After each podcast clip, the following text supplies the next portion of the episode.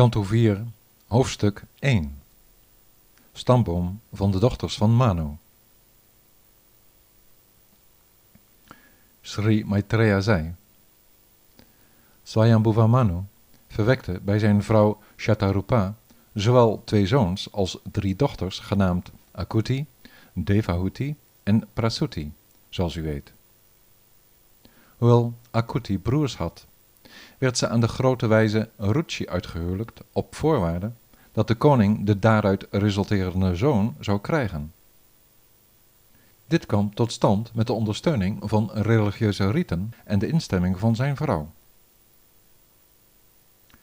Ruchi, de zeer machtige grote wijze die de voortplanting was toevertrouwd, verwekte een stel kinderen met haar die van de grootste spirituele en Brahmaanse kracht waren. Het mannelijke kind van de twee, Yajna, was een directe verpersoonlijking van Vishnu, terwijl het andere, vrouwelijke kind, Dakshina, zijn onafscheidelijke volkomen deelaspect, de godin van het geluk Lakshmi was. De zeer machtige zoon, die door de dochter ter wereld werd gebracht, werd naar het huis van de overgelukkige Swayambhuva Manu gebracht, terwijl Ruchi Dakshina voor zichzelf hield. De heer en meester van alle offers trouwde met haar, die altijd zeer naar hem verlangde. Heel blij als ze was om hem als haar echtgenoot te hebben, die zelf ook zeer met haar was ingenomen, bracht ze toen twaalf zoons ter wereld. De twaalf waren Tosha, Pratosha, Santosha, Badra, Santi, Idaspati, Itma, Kavi, Vibhu, Swana, Sudeva en Rochana. In het tijdperk van Swayambhuva stonden ze bekend als de Tushita-halfgoden. Marichi was toen de aanvoerder van de wijzen en Yajna was de koning van de halfgoden. De twee zoons van Manu, Priyavrata en Uttanapada, waren in die periode de grootste van alle koningen en hun zonen, kleinzonen, achterkleinzonen en hun nageslacht volgden in hun voetsporen gedurende die periode van Manu. Besti Vidura Over Swayambhuva, die zijn dochter aan Kardama overhandigde, heb je me uitgebreid horen spreken. De grote persoonlijkheid Swayambhuva schonk Prasuti aan Daksha, de zoon van Brahma, wiens nageslacht zich enorm over de drie werelden verspreidde. Ik vertelde u reeds over de negen dochters van Kardama, die de echtgenotes werden van de negen grote wijzen. Luister nu naar mijn beschrijving van de geslachten die uit hen voortkwamen. De dochter van Kardama, de vrouw van Marichi, ook wel Kala genaamd, bracht Kashyapa en Purnima ter wereld, wiens kinderen zich over heel de aarde verspreiden. Purnima kreeg zoons met de namen Viraja, Vishvaga, o overwinnaar, en een dochter genaamd Devakulya, die het water werd dat van de heer zijn lotusvoeten spoelde en later de hemelse rivier de Ganges vormde. De vrouw van Atrimuni, genaamd Anasuya, baarde drie zeer beroemde zoons, Dattatreya, Durvasa en Soma, welke gedeeltelijke incarnaties zijn van respectievelijk de superziel Vishnu, heer Shiva en heer Brahma.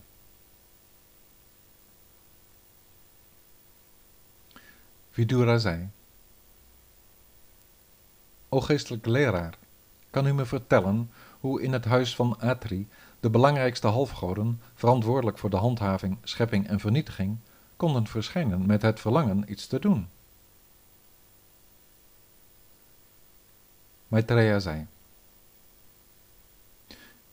Ertoe aangezet door heer Brahma om zich voort te planten, ging Atri, de belangrijkste van de geleerden in de spirituele kennis, samen met zijn vrouw naar de grote berg genaamd Riksha, om daar te verblijven voor boetedoeningen. Daar in het woud bevonden zich vele ashoka- en palasha-bomen en bloemen, met overal het geluid van het stromende water van de rivier de Nirvindya. Zijn geest beheersend door het reguleren van zijn ademhaling, verbleef de wijze daar een honderdtal jaren levend van de lucht, terwijl hij op het ene been van de non-dualiteit stond. Hij dacht, door mijn heil bij hem te zoeken, heb ik me aan hem overgegeven. Moge hij, die de meester van het universum is, mij een zoon schenken die net zo is als hij. Uit het hoofd van de wijze kwam een vuur voort, gevoed door zijn adembeheersing, dat, met de beoefening van zijn boete, werd opgemerkt door de drie belangrijkste goden van de drie werelden. Samen met de Apsara's, de Munis, de Gandharva's, de Siddha's, de Vidyadhara's en de Naga's kwamen ze naar de hermitage van hem die al dus bekend was geraakt. Toen hij al deze halfgoden en grote persoonlijkheden tegelijkertijd zag verschijnen, klaarde de geest van de wijze op die op zijn ene been tot bewustzijn was gekomen. Hij herkende de symbolen van hun persoonlijke attributen, als ook de stier, de zwaan en de vogel Garuda waarop ze zaten, en wierp zich toen met gevouwen handen recht voor hen neer om zijn eerbetuigingen te brengen. Verblind door de stralende gloed van hun glimlachende gezichten en hun genadevolle tevreden blikken, sloot de wijze zijn ogen.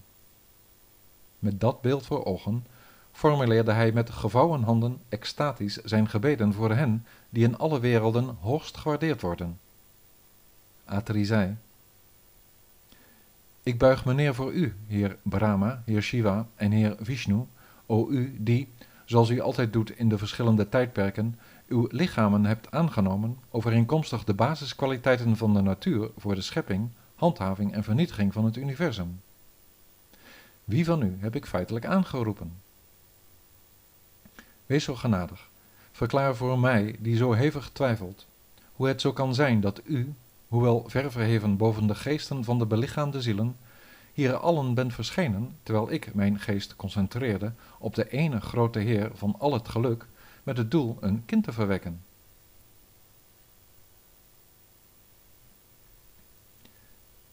Maitreya zei, O machtige ziel, nadat ze de woorden hadden gehoord van de grote wijze, gaven alle drie de hoofdgoden hem glimlachend en in vriendelijke bewoordingen antwoord.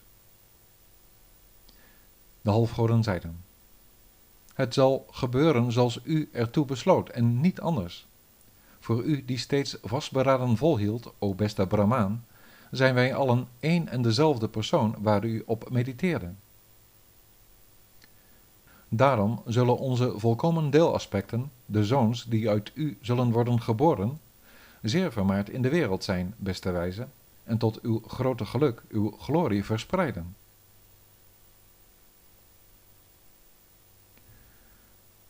De leidende halfgoden, die volmaakt aanbeden al dus hun zegeningen hadden uitgesproken, keerden voor ogen van de echte lieden vervolgens terug naar hun verblijfplaatsen.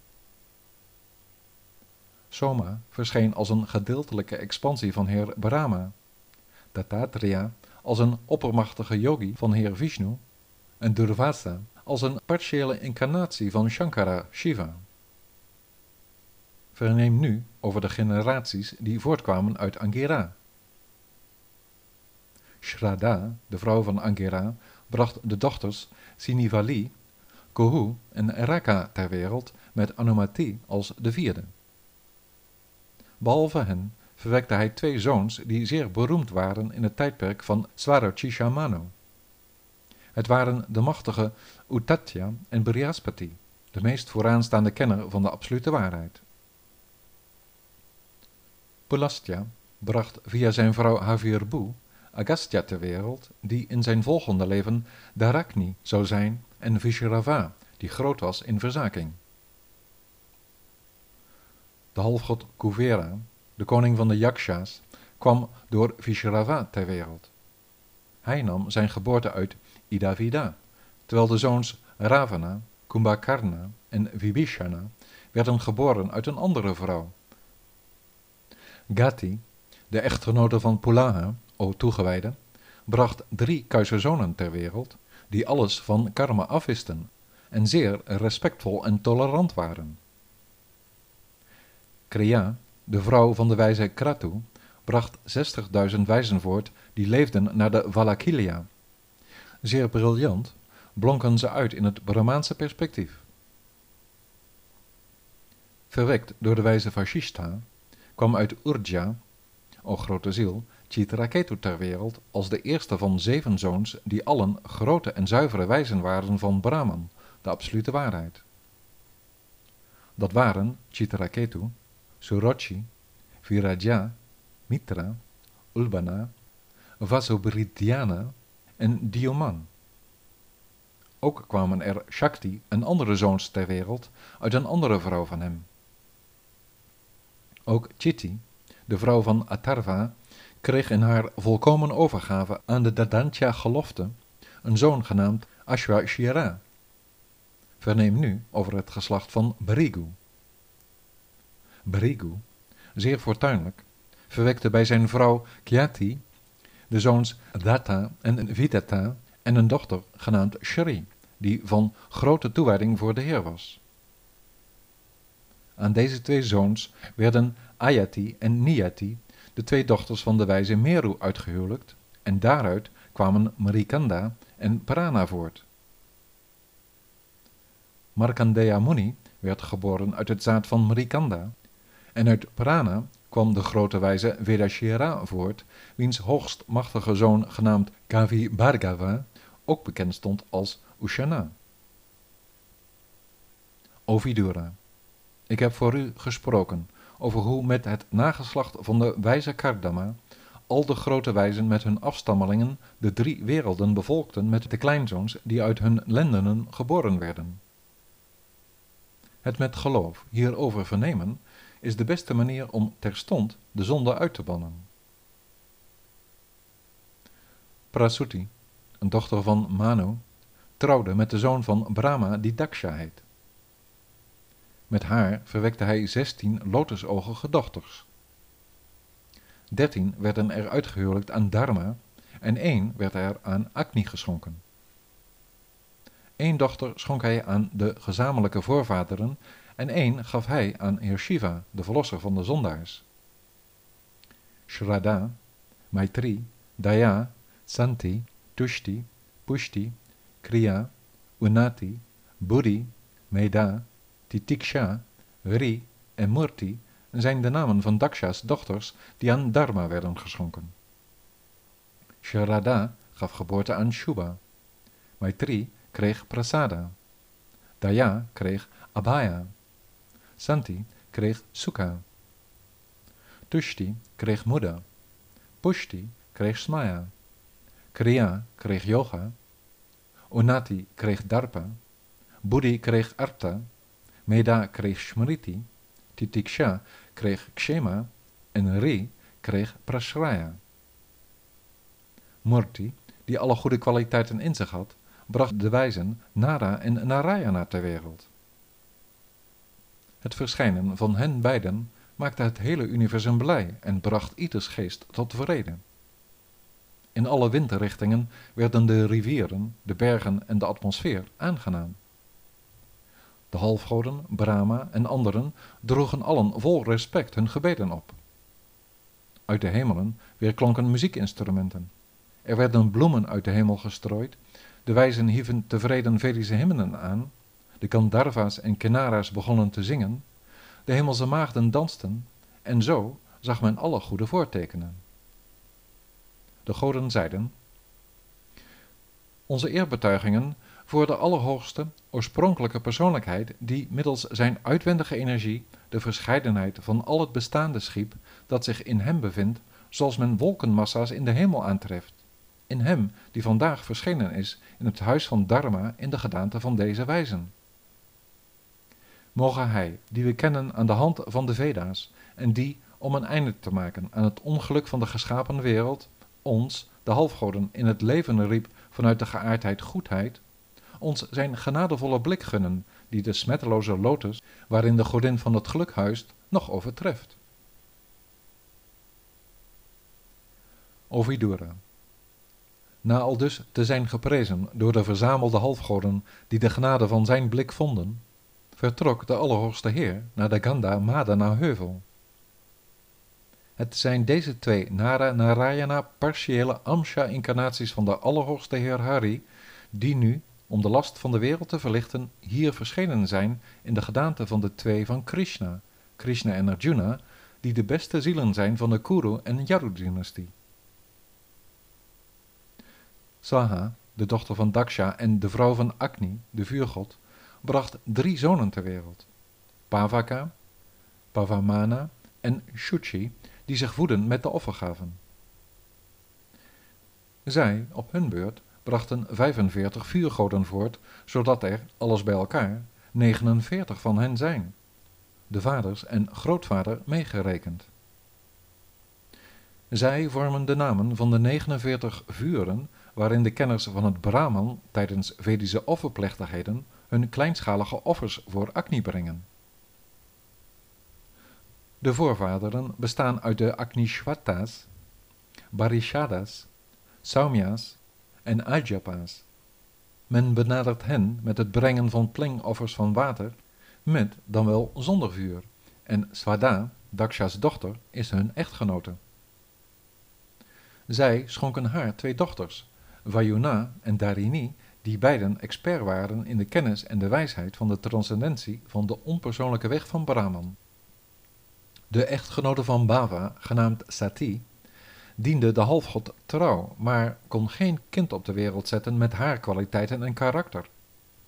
De reden was dat haar vader, Daksha, zich ongunstig woedend had opgesteld tegenover de foutloze Shiva, waardoor ze, verbonden in de yoga, haar lichaam moest opgeven, nog voordat ze de volwassenheid had bereikt.